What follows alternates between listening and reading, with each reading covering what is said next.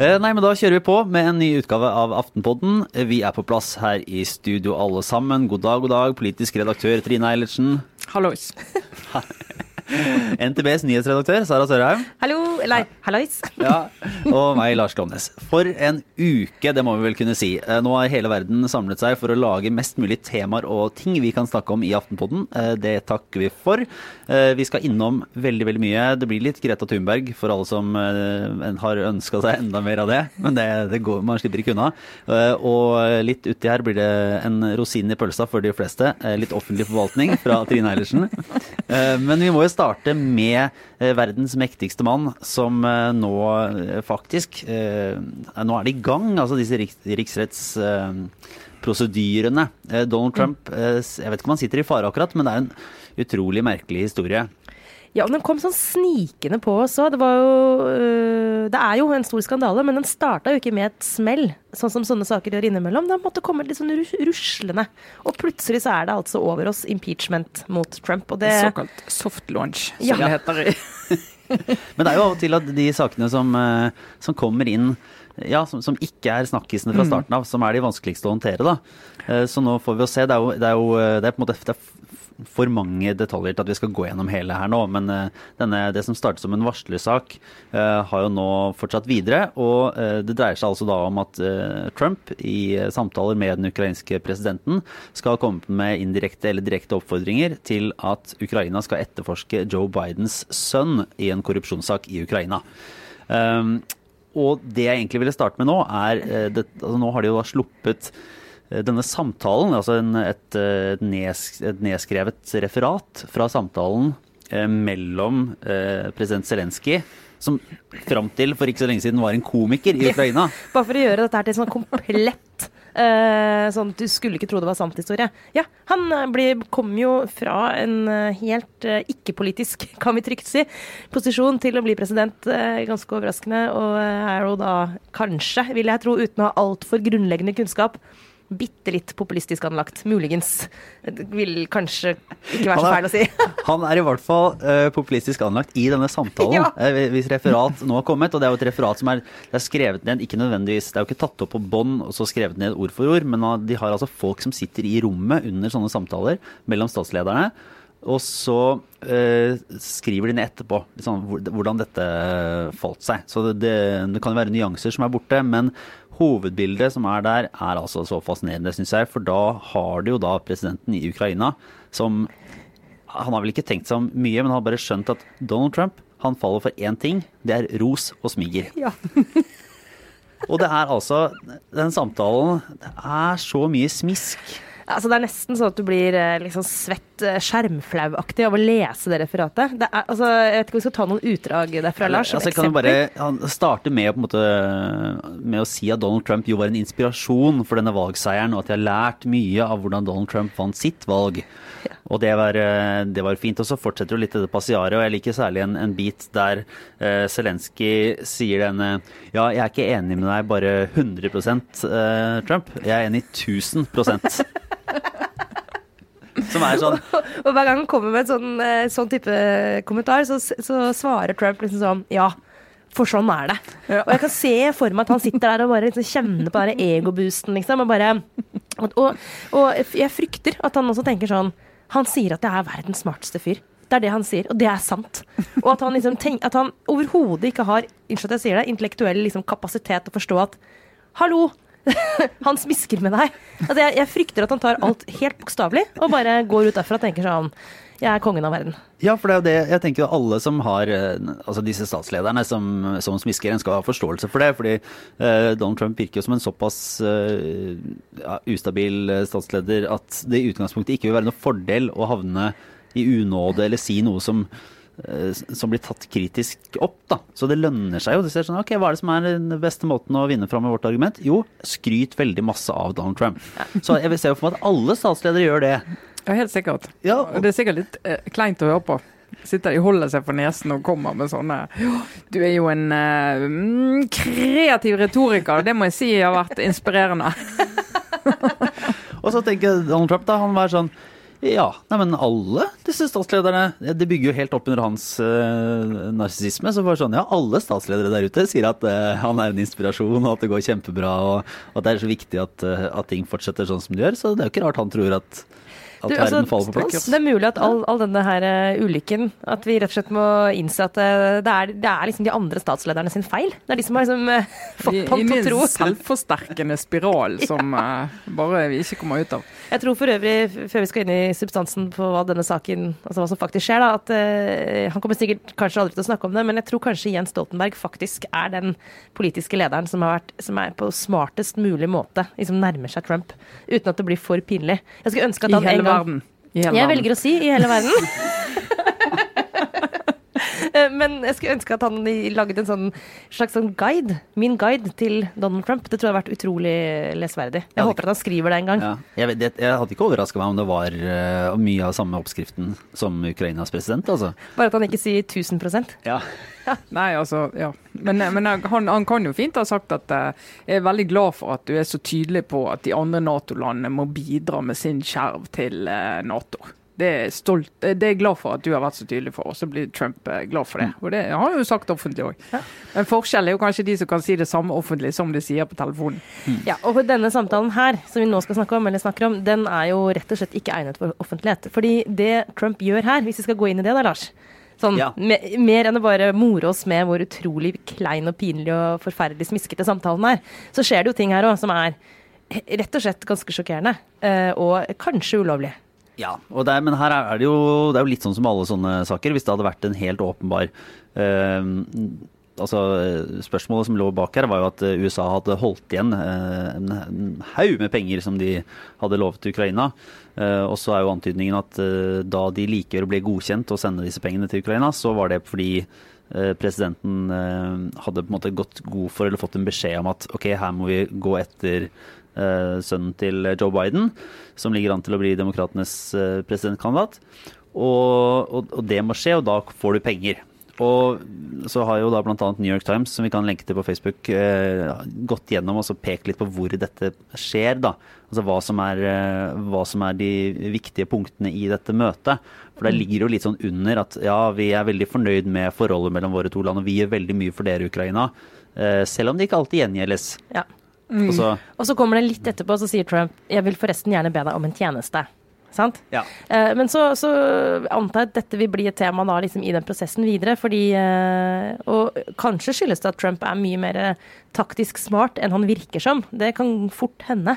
Eh, Eller at det er en tilfeldighet, men han unngår i alle fall å si liksom, ting rett ut. Hvis, vel å merke, vi kan stole på dette referatet, da. For her er det altså så mange x-er i regnestykket. Som Lars var inne på, så er jo ikke dette et uh, ordrett uh, referat. Og vi vet jo ikke at ikke det har vært liksom tukla med. Så det, men hvis vi skal stole på det som står der, så har, klarer Trump å unngå å si rett ut sånn Hei, jeg betaler deg penger for å hjelpe meg i, i Du får, du får ikke de pengene hvis ikke du sørger for at sønnen til min eh, potensielle rival blir eh, tiltalt for korrupsjon. Nei. Ja, han gjør jo ikke det, men det er jo diskusjonen. Det trenger ikke være så tydelig hvis du har den makten og den pengesekken. Det er jo mange måter å si sånne ting på. Men i hvert fall det som er interessant med saken, er jo at det har jo vært ørten skandaler knyttet til Trump. og det, Han hadde Muller-etterforskningen, og han har hatt en del saker som gjør at eh, det har jo vært en, en eh, altså pågående diskusjon i Det demokratiske partiet, opposisjonen i, i eh, USA, om de skal kreve impeachment, altså en riksrettssak, altså vurdering av det han har gjort. Og hittil så har eh, speaker, altså Nancy Pelosi, sjefen for demokratene om du vil, i Kongressen, og mange moderate demokrater og demokrater sagt nei, vi, vi kan ikke gjøre det. For Da må vi være helt sikre på at det er fast fisk å hente. 100 sikre. Vi må ikke være i tvil og begynne å rote oss inn i et eller annet der det er masse utydelighet. Så etter Müller-etterforskningen, eh, som handlet om valgmanipulasjon i 2016, så sa de at ok, vi går ikke ned den veien der. Nå har de snudd. Nå sier de at vi gjør det. Og det er ett år eh, til valget. Presidentvalget i USA. Eh, og de gjør jo det vel vitende om at eh, Trump kommer til å bruke det for alt det er verdt. Og de fleste kommer jo ikke til å gå inn i detaljene i den saken. De kommer bare til å høre Trump som sier at de har dette er den nye måten å prøve å ta med på. The Deep State driver og lekker og prøver å ta med de òg. Og det er noe med han er Biden, sant. Og det vet de er risiko, men de gjør det likevel. Det er som her emails. Og nå er det ikke sant, dette er, andre, altså, det er Biden er korrupt. Det er det som blir sittende igjen som etterlatt inntrykk, kanskje. Og så velger jo demokratene å gjøre dette vel vitende om at de etter all, absolutt all sannsynlighet eh, ikke vil komme noen vei. Altså at, at, eh, Trump ikke vil gå av eller vil bli felt i en sånn riksrettssak. fordi at En ting er at Kongressen vil ta det videre, men det blir også en avstemning i Senatet der republikanerne har flertall. og Da må du ha to tredjedels flertall for å få gjennomført en sånn en avsettelse av eh, presidenten. Og, og da er det vel en 16-17 republikanere som må snu. Og det er det egentlig ingen som ser for seg. Nei, men det, men det er nå en del av demokratene blitt opptatt av at hvis de får frem at her har det skjedd noe helt over stokk og stein uh, ulovlig, så skal de tvinge de uh, republikanerne til å si og stå frem med navn og nummer og si at 'jeg syns dette er greit'. Ja. Uh, og at det vil ha en kostnad på sikt. Så det, De har i hvert fall endret vurdering på om det er verdt å gjøre det eller ikke. Altså, dette blir jo litt sånn hvordan man ser saken, men det kan jo virke som om Pelosi har vært ganske klok i sin håndtering av Eh, det presset som har vært på henne eh, når det kommer til nettopp å gå til dette skrittet, da, til, eh, eller prøve å få til en riksrettssak mot Trump. Hun har jo fått veldig kritikk fra Venstre for å være for tilbakeholden der, men det gir jo nå denne avgjørelsen mye større tyngde. Når hun nå sier at nå er det grunnlag for å gå til dette skrittet, så har hun skaffet seg en autoritet der, da. Eh, og det hjelper jo også de eh, jeg så på CNN, som for øvrig var så flaut å se på. Eh, at jeg, vet du, hva, jeg var så flau. Jeg satt faktisk helt bokstavelig talt med en pute foran fjeset i deler av denne sendingen. men, men jeg, skal komme tilbake, til hvorfor jeg gjorde det. Men det første poenget først. De gikk gjennom de um, demokratene som nå går med på å gå til impeachment, men som tidligere har vært imot. For mange av de har jo vunnet i stater med, et, med en bitte bitte lite flertall. Det er så vidt. Altså, de, de kjemper mot eh, republikanere der. Mm. Eh, ned på de, sånn, de bitte små marginene. Eh, og de er veldig, veldig sårbare for et lite feilskritt. Eh, sånn at de har De er ikke bare moderate politisk, de har også en situasjon hjemme som gjør at det er ekstremt høy risiko for dem. Uh, de såkalte lilla statene. De såkalte lilla statene. Som jo eh, faktisk er en veldig sånn altså det, er, det, forklarer også mye av den tilbakeholdenheten hos demokratene. Men dette fikk jeg med meg av å se på CNN. Men bare mellom disse her korte glimtene av opplysende journalistikk, så er det altså så mye dritt. Og så er det så utrolig mange jingler og sånne der, små videosnutter om CNN som slutter med den derre This is CNN.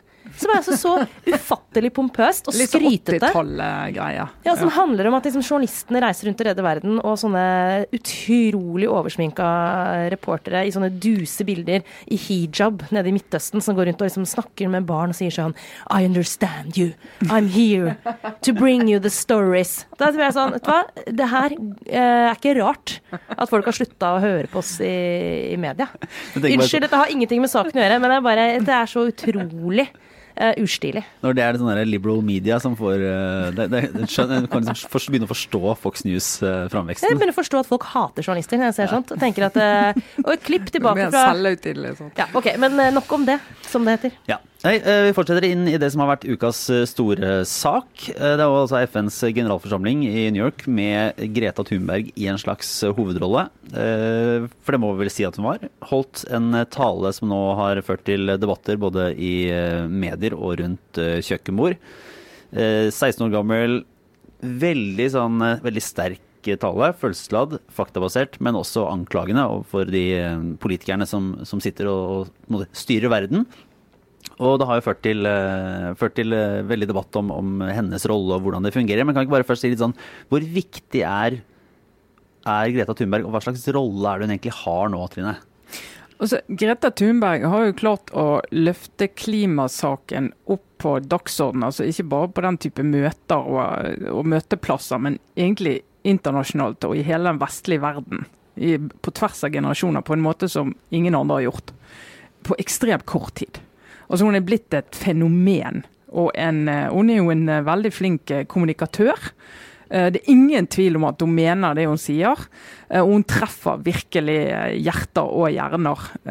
Særlig blant de unge, men òg blant voksne miljø- og klimaengasjerte mennesker. Men hva er det, altså, det er litt sånn, Hvorfor har hun blitt en så viktig stemme, egentlig? Jeg skjønner ikke helt altså Hun er jo på en måte Hun er jo forfriskende prinsippfast. Hun har mm. god peiling. Hun snakker, men i utgangspunktet så er det jo ikke sånn at en, eh, en 16-åring, eller da 14-15-åring, som demonstrerer utenfor uh, Riksdagen i Sverige og ikke går på skolen.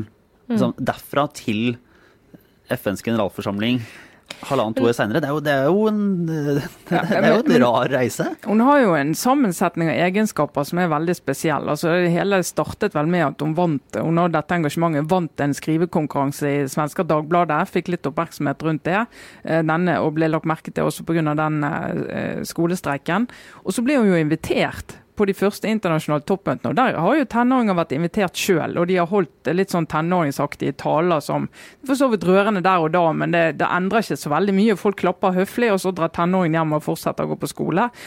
Hennes ord og taler har jo hatt en mye, uh, mye med sterkere effekt. Og så har jo denne historien om henne og uh, aspergeren og liksom familie, historien hennes som menneske, da, i, i kontrast til den styrken hun viser, tror jeg har vært veldig fascinerende. Og så er hun jo hun er jo fantastisk flink å snakke. Mm. Snakker jo helt fantastisk engelsk om eh, kompliserte temaer. Så hun er en litt sånn selvmotsigelse. Er det mulig at en så ung kvinne kan være så tydelig og reflektert og knaller i budskapet. Jeg tror det er litt det som fascinerer. da. Mm. Ja, så skjærer hun gjennom på et uh, sannsynligvis sånn riktig tidspunkt. men det, det, jeg tror det har, har, veldig mye med ikke bare Greta Thunberg å gjøre. Det kan være at man liksom gikk og venta litt på eh, en skikkelse som kunne komme og målbære mye av de følelsene også som ligger i denne saken. Eh, og særlig eh, den reelle frykten som jeg kan kjenne på sjøl, og som veldig mange helt sikkert kjenner på. Og som jeg tror er veldig mye tydeligere og sterkere også hos yngre folk enn det vi er. Og at hun um, gjennom sin veldig sånn renhårige altså Hun er jo Og jeg skal ikke spekulere i altså komme med uh, uttalelser om, om, diagnoser og sånne ting, men siden hun har vært veldig åpen akkurat når det kommer til hennes Asperger-diagnose, så er det mulig Kanskje det spiller inn, men hun fremstår i hvert fall sånn Hun fremstår som helt ukuelig. Sant? Altså, hun er, hun er helt ren og tydelig på at alt annet må faktisk vike. Og i en så komplisert og utrolig vanskelig sak som klimasaken er, så tror jeg veldig mange kjente på en slags sånn eller man kan tro at det er en slags lettelse i en som bare skjærer unna alt. Bare skjærer gjennom alt. sier alt annet er sekundært. Og den stemmen der blir veldig veldig tydelig, og den kom på et riktig tidspunkt. Da. Og Det er jo en egenskap hun har som hun er helt vanvittig rå på. Ja, og Det finnes jo mange andre miljø- og klimaengasjerte som har levd og tenkt på den måten i mange år, men som ikke har hatt det gjennomslaget. Så har ment akkurat det samme. Nå må vi sette alt til side. Men så tror jeg akkurat det verktøyet som har gitt en del ungdommer og tenåringer med denne streiken, da, det tror jeg også har hatt stor effekt. for da er det mange av de unge som tenker de har ikke stemmerett. Eh, de eh, er engasjert i temaet eh, og har behov for å få utløp for det, for kanalisert det. Og dette er en utrolig synlig og konkret måte å få utløp for det på, disse streikene. Mm. Men er det noe som tyder på i, i substansen her at de sitter i FN denne uka eller andre uker og får gjort noe som følge av dette? Det er, jo, det, jo, det er vel ingen av de talene som kom ut i FNs generalforsamling som, som i hvert fall går grep som er i nærheten av det hun etterlyser. Det er jo litt kontrasten i eh, og kanskje noe av grunnen til at hun også eh, provoserer veldig mange. Det er jo liksom den forskjellen nettopp på at det er, liksom, det er ikke noe gærent i å si at det er krise, f.eks., men det tar jo fokus bort fra en mer løsningsorientert tilnærming til ok, men hvordan kan vi få dette til. Uh, og det, der, det, og et lite stykke på vei så følger jeg jo også den um, argumentasjonsrekka. At uh, det er egentlig litt begrensa hvor mye det tross alt uh, har av effekt å bare skrike at nå må dere få panikk. Uh, når, liksom, det, ikke, det, hjelper ikke at alle løper rundt hodeløse og bare skriker i kor. Du må jo jobbe med å finne løsninger, og det er jo kjempekomplisert. Og nettopp ikke svart-hvitt, da. ikke sant? Men det er jo òg kontrasten mellom politiske prosesser som er liksom utviklet gjennom mange år, og aktivisten. Fordi at det er klart, ja. Disse verdens ledere møtes i FN. Dette høynivåuke i FN. De har 10 000 forskjellige møter. Hvert eneste innlegg de har med seg er forberedt og skrevet for lenge siden. Så de, de sitter ikke og hører på på en aktivist, og så lager de et nytt innlegg. Altså for det og De skal balansere ut budskap til samarbeidsland. Sant? Norge jobber for, eh, for plass i Sikkerhetsrådet en stund og skal sende budskap til de så de skal overtale for å få stemmer til det. Eh, og alle andre land de holder på med, med, sitt. og Sånn er politisk prosess, og sånn er samarbeid på, på høyt nivå, internasjonalt nivå. Eh, der du nettopp ikke skal ha denne aktivistiske tilnærmingen. Fordi at du skal prøve å finne løsninger sammen, da, som jo fremstår som helt ufattelig kjedelig, sendrektig, og det går altfor tregt. da. Hvis du er en utålmodig eh, Men person, så kan du jo helt bli grå i ansiktet av Ja, det. her er, her er jo argumentet at ja, men jorda brenner, på en måte. Det er sånn, Du kan ikke sitte med den samme uh, rytmen og samme eller sånn der, Nå skal vi gjøre alt så, så trygt og rolig. Vi skal tenke mest på Sikkerhetsrådet, og vi skal gjøre det der. Vi må ha må hive seg inn og, og ta det her på alvor. Ja, og Hvis du går inn i litt av kjernen av hennes argumentasjon, da, så er jo det at eh, her sitter dere eh, og veldig generaliserende, alle politikere. Det eneste dere er opptatt av, eller statsledere, det eneste dere er opptatt av, eh, det er økonomisk vekst. Og eventyrfortellinger om at eh, vi skal løse dette med teknologier som ennå ikke finnes. Og Hun, altså, hun har en veldig sånn anklagende holdning til de. Eh, som jeg tror en del også blir provosert av. For det er jammen forskjell på en eh, Donald Trump og en Angela Merkel, på en Bolsonaro og en Erna Solberg. Altså det, her er det mange, det er stor forskjell. Noen politikere har jo, går jo i sine land. Se Macron når han eh, pådrar seg gule vester i, i gatene. Så er det jo fordi at han har prøvd å gjennomføre politikk som kan være klimavennlig, men som folk ikke aksepterer og syns er urettferdig og slår feil ut.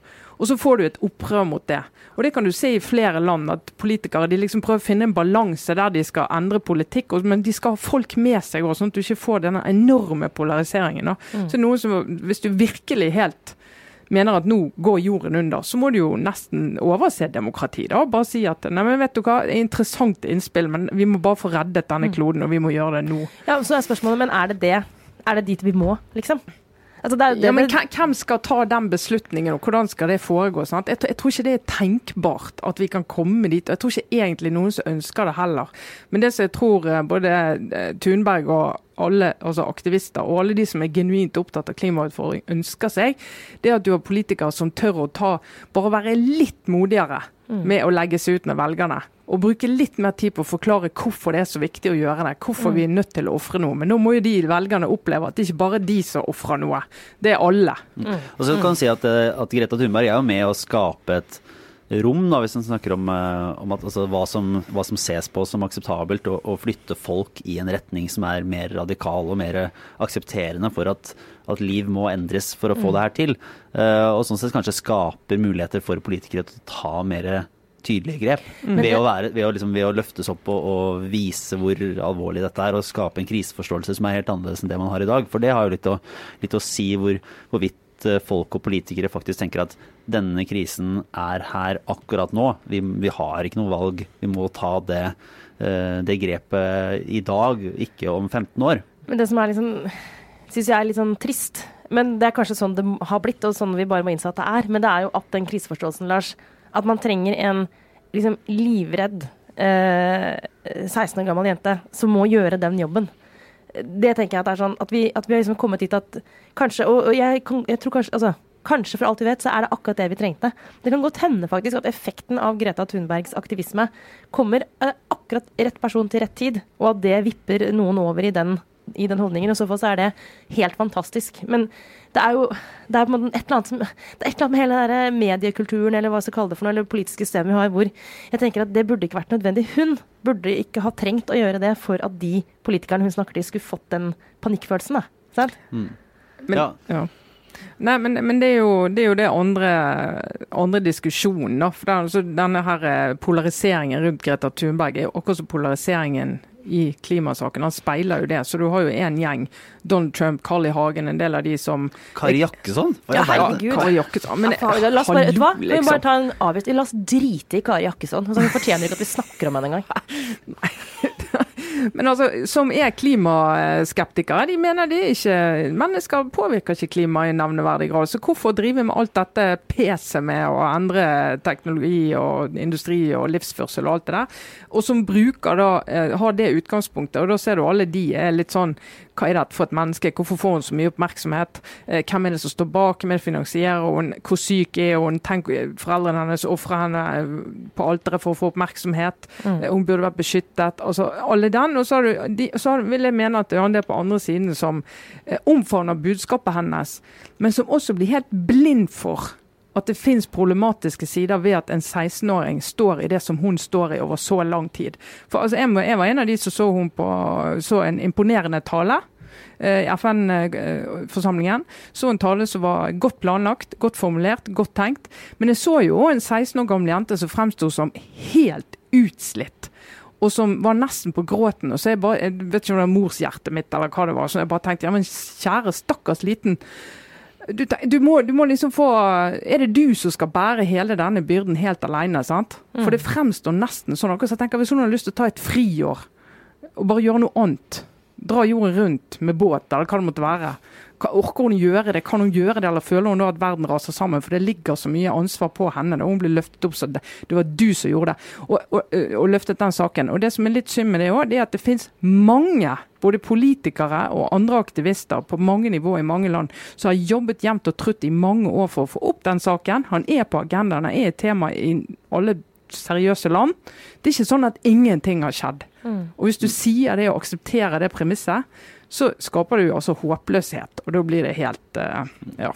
Jeg merker at den, eh, jeg synes det, er, altså, det er jo helt utrolig imponerende hva hun har fått til, og uh, en veldig viktig rolle. Og så syns jeg det er litt sånn bedrøvelig at også liksom selv i den norske debatten så er det helt svart-hvitt. På, mm. liksom, hvis, man uttrykker, hvis noen andre utenfor uttrykker bekymring for henne eller for den rollen hun har fått, så er det helt sånn derre oh, for en nedlatende hersketeknikkete gammel gubbe du er. Som også er klimafornekter. Som også er klimafornekter, ja. for du høres ut sånn som klimafornektere høres ut. Ja, det, uh, det, det der er helt begredelig, syns jeg. For det må være mulig å være bekymret både for klima og for mennesket Greta Thunberg. Men nå er det sånn at hvis du er bekymret for mennesket Greta Thunberg, så er du egentlig en skarp klimafornekter. Ja, da tar du ikke problemet nok på alvor. Nei. Og da tenker jeg at man må erkjenne at det er, en veldig, det er en slitsom og belastende rolle. Og det er liksom bildet på at samfunnet eh, vi vekkes først når det er litt sånn noen som er en, en enkeltperson som står i foran og er en helt som skal være helt god, og det skal være helt sånn svart-hvitt, og dette er redningen. Det er ikke en organisasjon som nå på en måte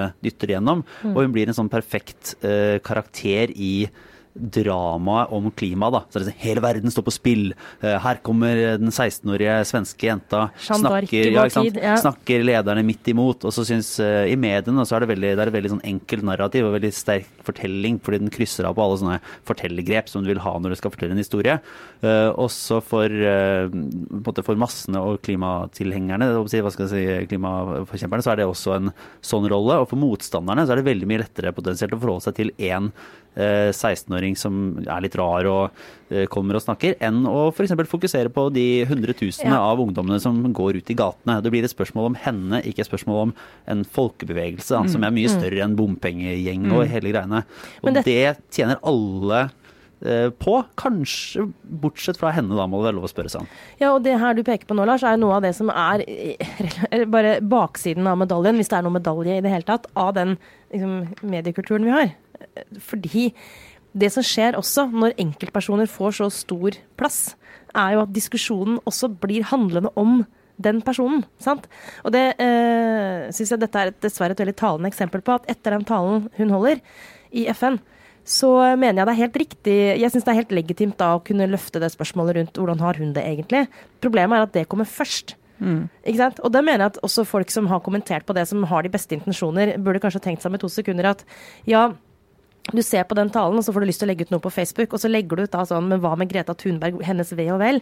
Med helt sympatisk tanke, men det blir bare litt rart hvis det er det du da velger å skrive om, istedenfor mm. å si f.eks. Uh, lurer på hvordan de skal eh, ta denne problemstillingen videre i, i FN, eller mm. fuck knows, et eller annet, unnskyld uttrykket, men noe som handler om saken, da. Der har vi alle et ansvar for å liksom ikke starte med Greta Thunberg. Og hvis vi hadde gjort det, så tror jeg det hadde vært litt enklere også å kunne få sagt at men jeg syns også at det er litt tankevekkende at hun som en 16 år gammel jente står i dette. Men det er liksom et eller annet med at når det kommer først, så spinner jo debatten helt ut i Da blir den på et dårlig sted. Mm. Men bare, bare, for å ta en siste uh, håpefull betraktning. Uh, altså det ene, Jeg sitter og skriver litt om, om dette nå. og så er liksom, i hvert fall Mitt poeng da, er at uh, denne, altså håpløshet det bringer oss ingen steder. Så Disse 16-åringene som streiker, det de må gjøre, de må gå på skolen. Og så om ti år få seg en utdannelse.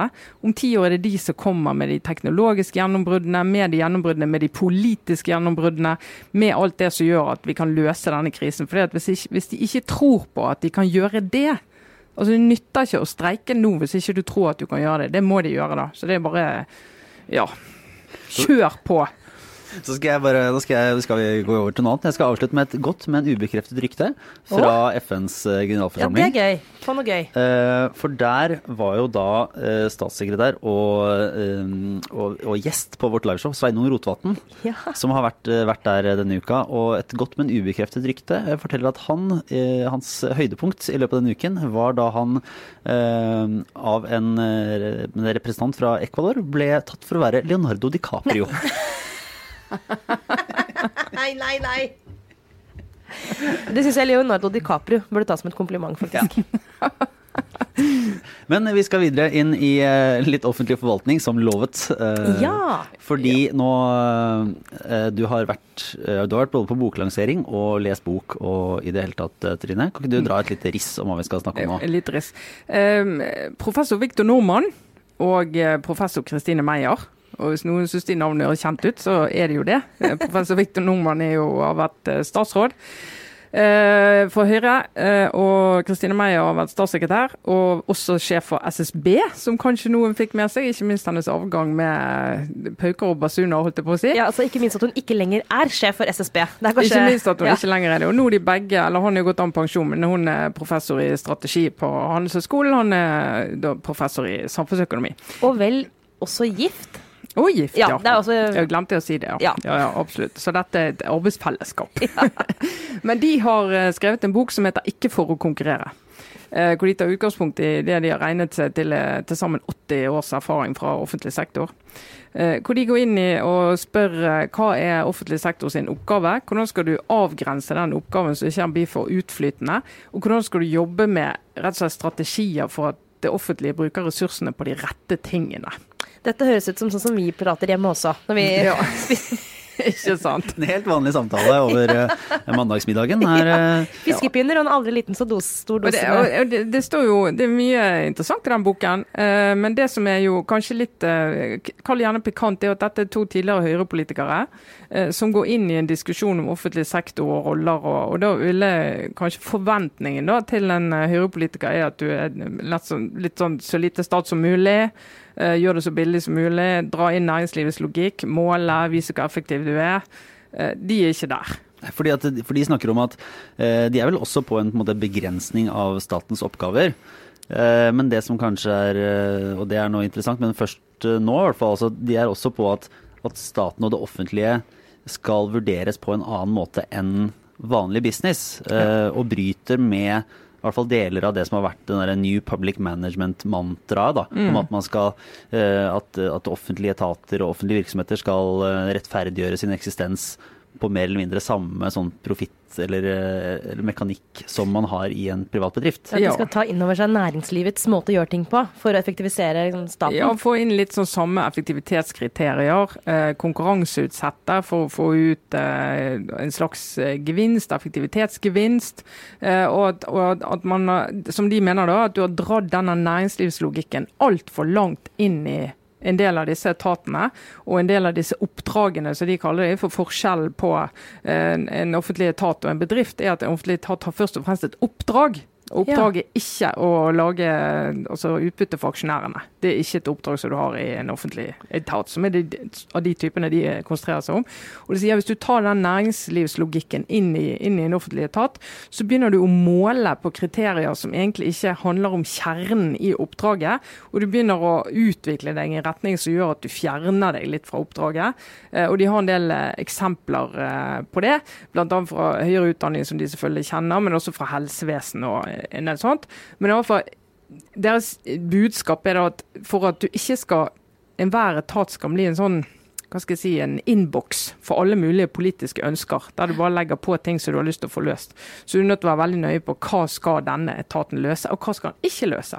Dette, Og så må de få fred til å gjøre det de skal gjøre, og ikke bli behandlet som en hvilken som helst eh, bedrift.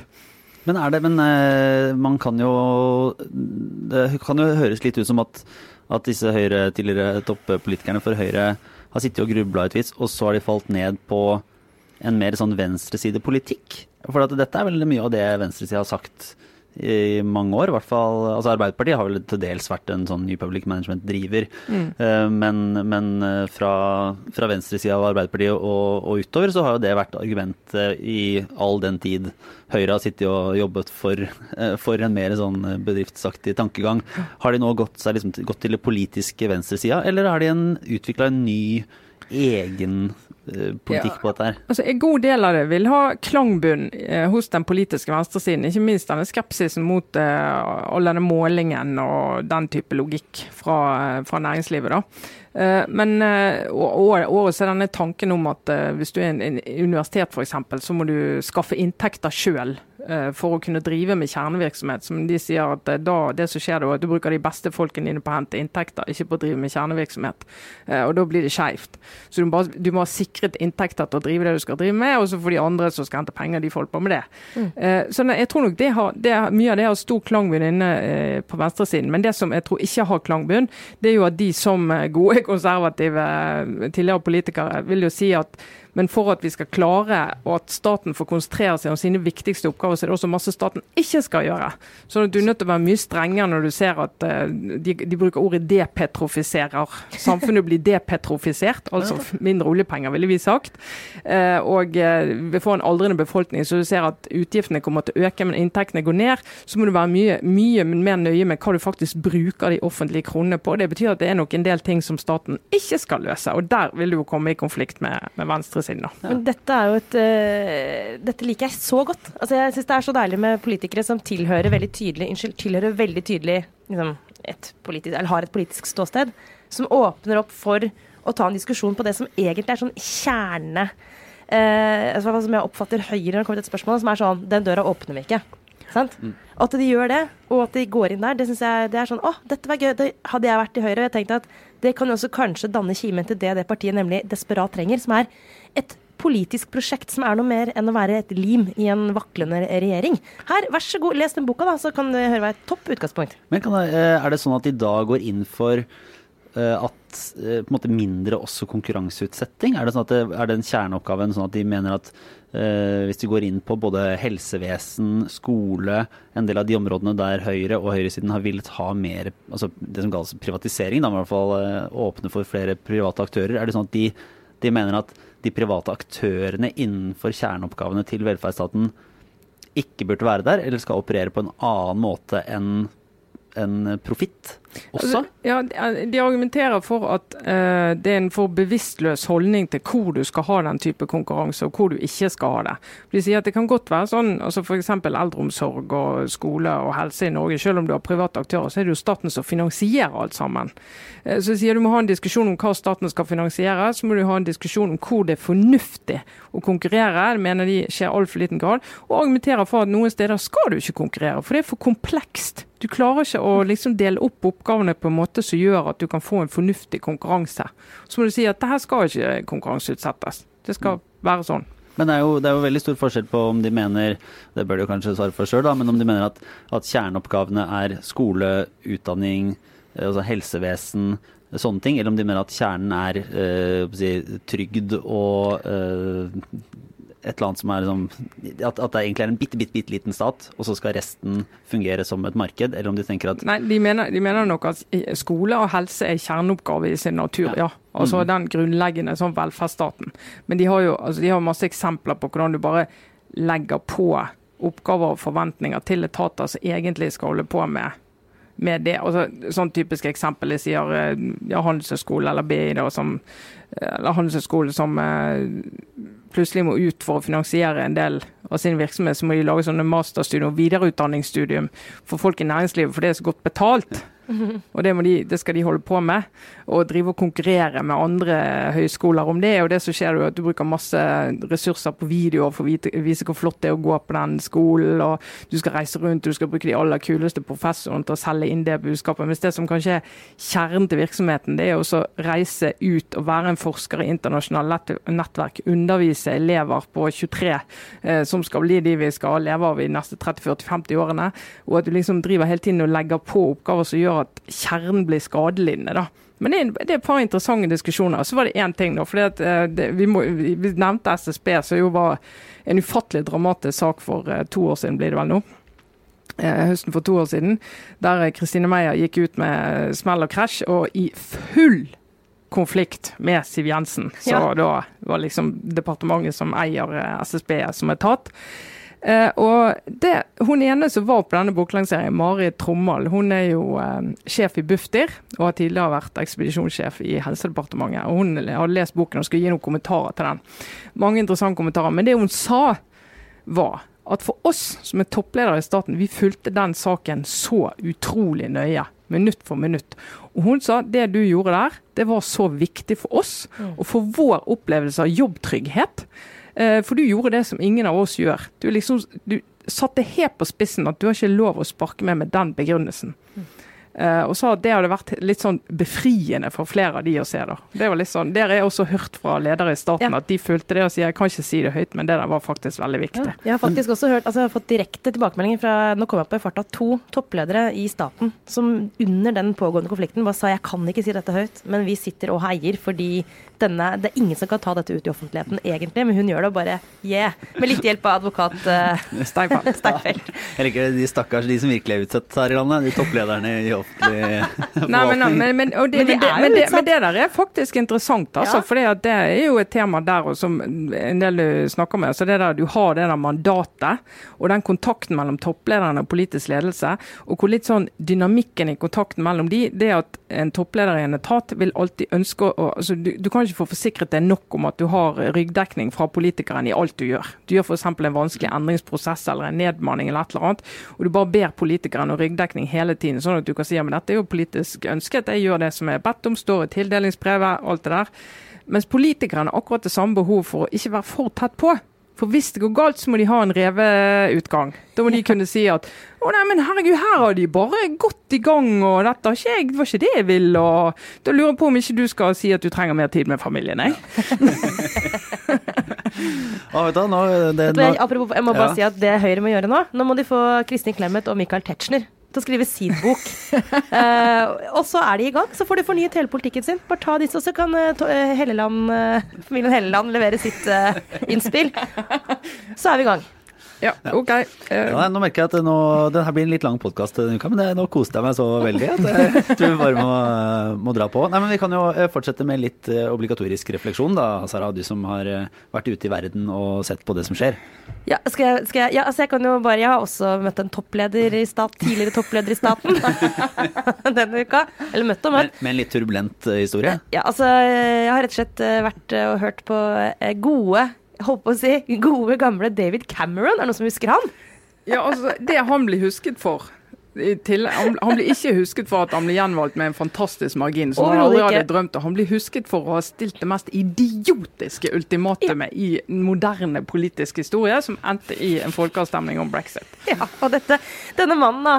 Altså David Cameron, tidligere Men men, statsminister. hvor, hvor er han nå? Nei, det er akkurat det. Nei, altså Jeg kan ikke redegjøre for hvor han er akkurat nå. Eh, Men jeg kan fortelle hvor han var i går, og i dag er det torsdag. Altså Onsdag ettermiddag befant denne mannen seg på et jorde ut, langt utenfor Oslo. Ganske nært mitt fødested, Skjetten. Og hvis noen kanskje husker tilbake, noen gode faste lyttere husker tilbake til denne tiden for et år siden, så hadde jeg en litt sånn euforisk eh, Altså jeg var i en veldig sånn rar tilstand, egentlig, fordi det var jo da Barack Obama besøkte Skjetten. Så, så Chatten er blitt stedet tidligere internasjonale ledere går for å Jeg skal ikke si død. Nei, det skal nei, ikke si. Men vi kan si at det er en slags Arlington, en slags elefantkirkegård Ja. eh, der ute på Hellerudsletta, eh, hvor det altså nå er reist et sånt konferansesenter. Eh, dette er grunnen, da. Altså til at det er, det er et konferansesenter der ute. Eh, av en eller annen mystisk grunn, kan jeg legge til. Eh, dette er også da min barndoms ikke så grønne dal, eh, hvor det bare var et jorde når jeg vokste opp. Og for å si det sånn, det er en grunn til at det bare er et jorde, og ingen, ik- ikke noe annet. Men anyways, dette er da et, en konferanse som heter Oslo Business Forum. Og jeg klarer overhodet ikke å redegjøre for hva meningen med denne konferansen er, men de har altså da en gang i året storheter, eller helst gamle storheter, invitert for å snakke til en forsamling. Og David Cameron, han har gitt ut bok. Å ja. Ja. Han har gitt ut en memoarbok eh, som heter For the Record. Jeg, jeg liker bare også sånn David Cameron han har faktisk han satte i gang så mye trøbbel. Da. Og liksom, hele Storbritannia står og rister takket være han. Jeg bare ser for meg alle som er sånn David Cameron, her i landet trenger du ikke å si noe som helst. Og så var han bare sånn ja, okay, vi, vi, vi gidder ikke å høre på deg. Og så er det sånn Skjetten? Ja, vi kan Men det, var, det er så sykt, for at vi er da ute på dette jordet uh, i denne konferansehallen. Uh, det er mange, mange mange mennesker der. Altså, det er noen tusen mennesker å høre på. Jeg aner ikke hvem de er. Altså, jeg kjente ingen der. Det var ingen journalister. Bortsett fra meg. Og så De hadde kanskje lukta lunta om at David Cameron, han Hva skal jeg si? han lykkes da med sitt prosjekt, for å komme til, til kjernen her, eh, som er å sitte nesten en time på en scene mens landet hans helt faktisk liksom går til hundene. Eh, rett og slett. Det er så høy krise. Det har ikke vært så mye krise i Det er den største krisen siden krigen.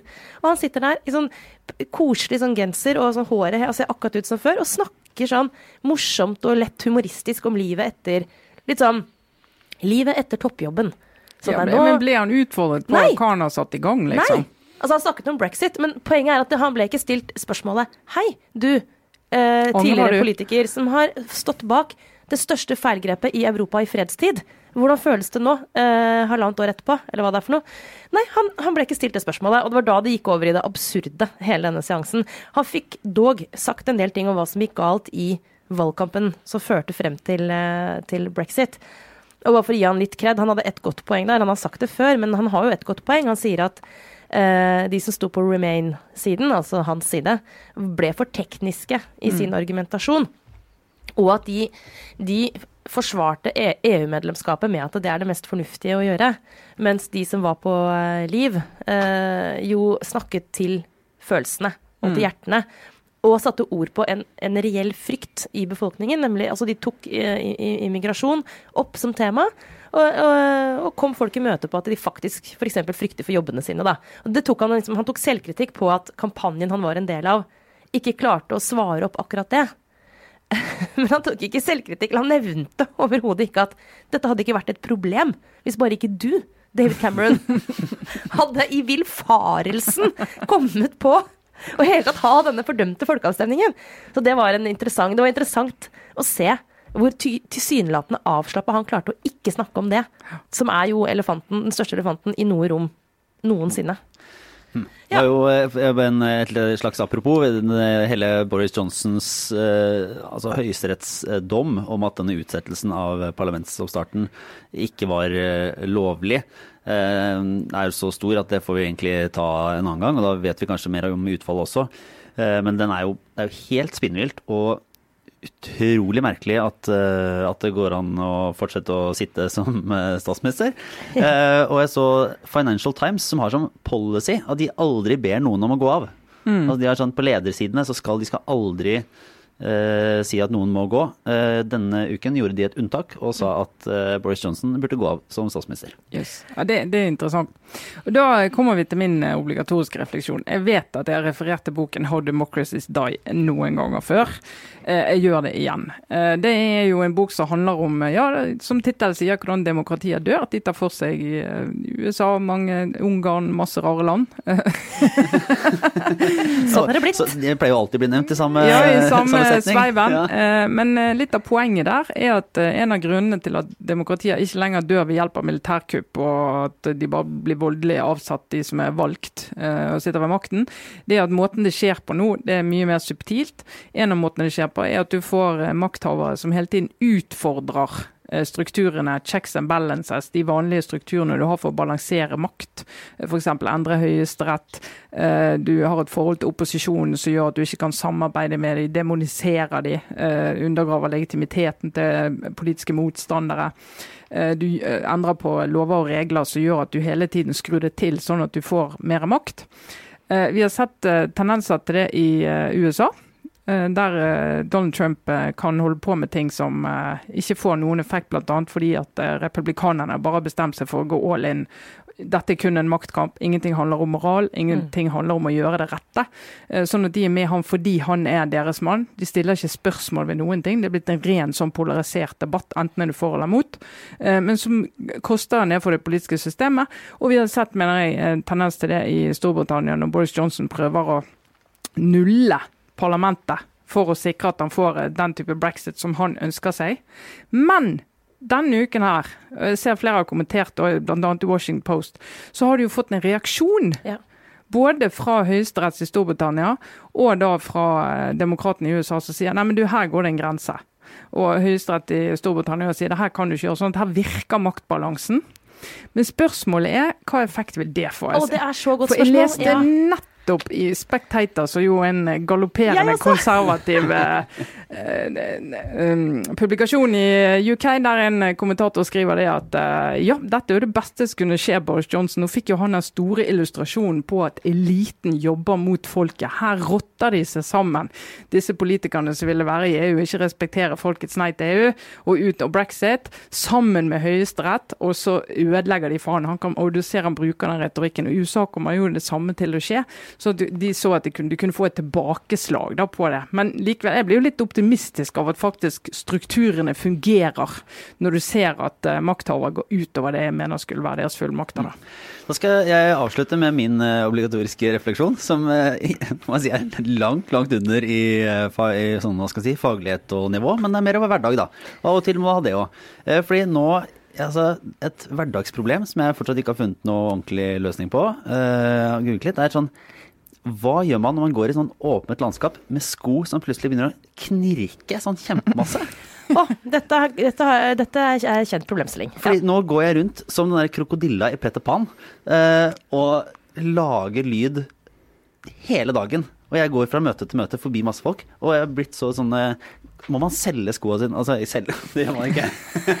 Altså, takk for at du endelig, Lars, etter, etter all denne innledende snakken om eh, miljøkrise og eh, demokratier som dør og litt sånn, at vi endelig fikk tatt opp det aller største spørsmålet som alle stiller seg. Hva gjør man med knirkesko? Nei, det er, det er bare to mulige ting å gjøre. Den er å pælme skoene, eventuelt hvis du skal være så forbanna miljøvennlig, legg det ut på Finn eller gi det til en sirkulærøkonomisk økonomisk vennegjeng. Eh, men i hvert fall kvitt deg med skoene. Eller det jeg har valgt å gjøre i den situasjonen, eh, omfavn. Knirkingen gjør den Men, til din venn. men er de ikke inngått?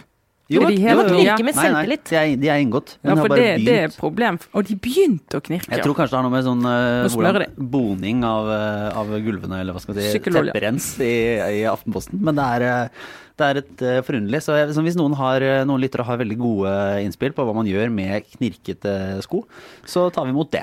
Ja, jeg hadde tenkt i dag, og så, og irriterer meg over sammen med Asbjørn Bakke, en kollega som jeg så skrev på Facebook, over denne misbruk av pronomene på, som er overtatt for veldig mange pronomen i Norge. Men jeg tenkte det ble litt smått.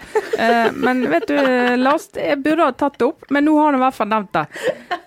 Slutt å bruke på. Du arbeider ikke på Aftenposten, du arbeider i Aftenposten. Over og ut. Og da tror jeg vi, tror jeg nådde bunnpunktet for denne ukas uh, sending. Det, eller sluttpunktet, om du vil. Så vi Da takker vi oss. Takker vi for oss. Det var Aftenposten. Eh, Trine Eilertsen, Sara Sørheim, jeg er Lars Klomnes. Ha det bra.